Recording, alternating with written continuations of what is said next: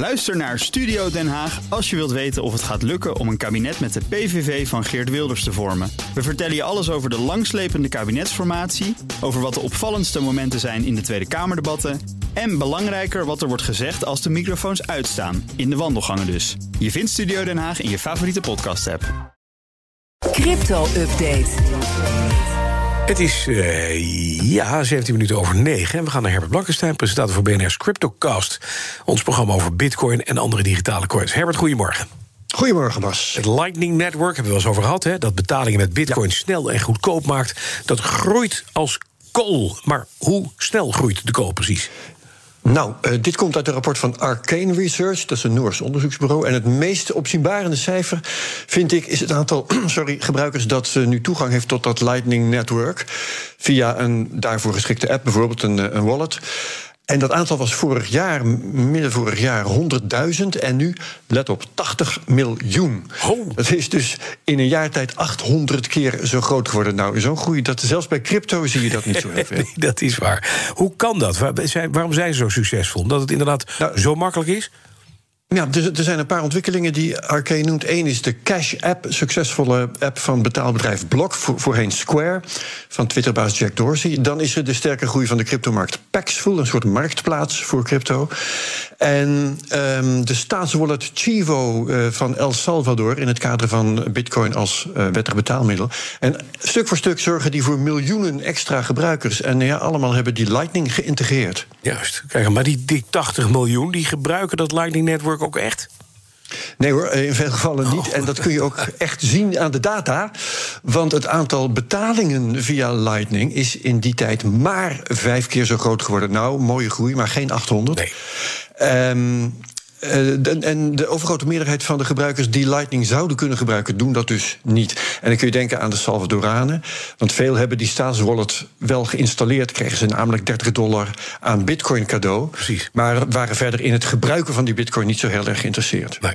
En dan, het meest cryptovriendelijke land is sinds kort, kunnen we ook wel zeggen, Crypto Duitsland, hè? Ja, wie dat zegt is CoinCup. Dat is een soort prijsvergelijker voor crypto-exchanges. Ik wist uh, tot vorige week ook niet dat dat bestond. Mm -hmm. um, het is een periodiek onderzoek, dat doen ze wel vaker blijkbaar. En tot voor kort stond Singapore daar op de eerste plek. Duitsland stijgt nu naar de eerste plaats onder andere... omdat de acceptatie van crypto daar hoog is. En omdat de spaarbanken daar dit jaar crypto mogen gaan aanbieden. Singapore is gezakt, uh, heeft ook zijn redenen. De be beperkingen zijn daar opgelegd aan adverteren voor crypto... en ook aan crypto-geldautomaten die je daar hebt... En op de derde plaats staan de Verenigde Staten. Die krijgen uh, wel grappig een eervolle vermelding... omdat ze het meest miningvriendelijke land zijn. En dat zijn ze sinds mining in China moeilijk is geworden. Ja, maar de, de, ik hoor één land niet en dat is ons eigen land, Nederland. Waar staan wij? Nou, wel op een mooie plek hoor, de zevende plek. Oh. En we krijgen complimenten van CoinCup. Uh, ons klimaat voor blockchain startups zou goed zijn. En er zou goede regulering zijn ter bescherming van consumenten. Um, en Nederland is in de, de, top 10 een van de drie landen die geen minpunten krijgt voor fraude. Nou, dat is allemaal prachtig. Ja. Maar ik moet wel zeggen dat ik ervan opkeek hoor, die hoge plek van Nederland. Want de regulering die CoinCup prijst, uh, in Nederland op, ja, op witwasgebied bijvoorbeeld, uh, hebben wij de strengste regulering in Europa. Mm -hmm. En die wordt zelfs algemeen gezien als onredelijk streng. Gevolg is dat je bijvoorbeeld als consument veel te veel gegevens moet inleveren over jezelf. Dat is slecht voor je privacy. Is veel besproken hier. Um, het is veel moeilijker geworden om betalingen in crypto te doen. Dus CoinCup moet daar nog maar eens goed naar kijken. Of dat Nederlandse klimaat echt wel zo leuk is. En als het gaat om crypto-startups, die hebben het goed inderdaad hier? Nou, dat zegt CoinCup dus van wel, maar ja. de start-ups zelf vinden geloof ik van niet. Want uh, als die hun klanten uh, bijvoorbeeld crypto-rekeningen willen aanbieden, dan hebben die start-ups de lasten van de genoemde regulering, hebben uh, het werk, maar ook de kosten van het toezicht van de Nederlandse bank, die zijn extreem uitgepakt. Is ook hier bij BNR veel besproken. En dan kun je het ook nog hebben over het krijgen van een bankrekening. Uh, cryptobedrijven uh, kunnen bij Nederlandse banken eigenlijk alleen maar een bankrekening krijgen als ze liegen over hun activiteiten. En ik heb dus dit onderzoek nog even voorgelegd aan eh, Patrick van der Meijden... van de Nederlandse Vereniging van Bitcoinbedrijven. En die uh, had als commentaar, dit is minimaal verbazingwekkend. dus laten we niet al te vroeg juichen uh, over dat Nederland een cryptoland zou zijn. Oké, okay, en dan, nou, waar we al jaren op zaten te wachten, Herbert... ja, ik wel, jij ook, weet ik... is schoenen waarop je de actuele koers van de bitcoin kunt aflezen. Ja, staan al jaren op mijn verlanglijst. Ja, bij mij ook. Ja, ik, ik ken het meteen. Ja, uh, ze bestaan nu. Uh, schoenen met op de buitenkant een soort lichtkrant die die prijs vertoont. Uh, de schoen heeft daarvoor een 3G-internetverbinding, jawel. En de schoenendoos is ook bijzonder. Daar zit een Bitcoin-node in, waarmee je dus meehelpt transacties te verwerken. En je kunt zelfs op bescheiden schaal hier Bitcoin mee minen. En dit is allemaal verzonnen door een Amerikaanse basketballer. Oh, kan het ook anders. Spencer Dinwiddie, je weet wel. Mm -hmm. Die speelt bij de Dallas Mavericks. En hij brengt ze op de markt samen met Bit, uh, Bitcoin-bedrijf Bitrefill.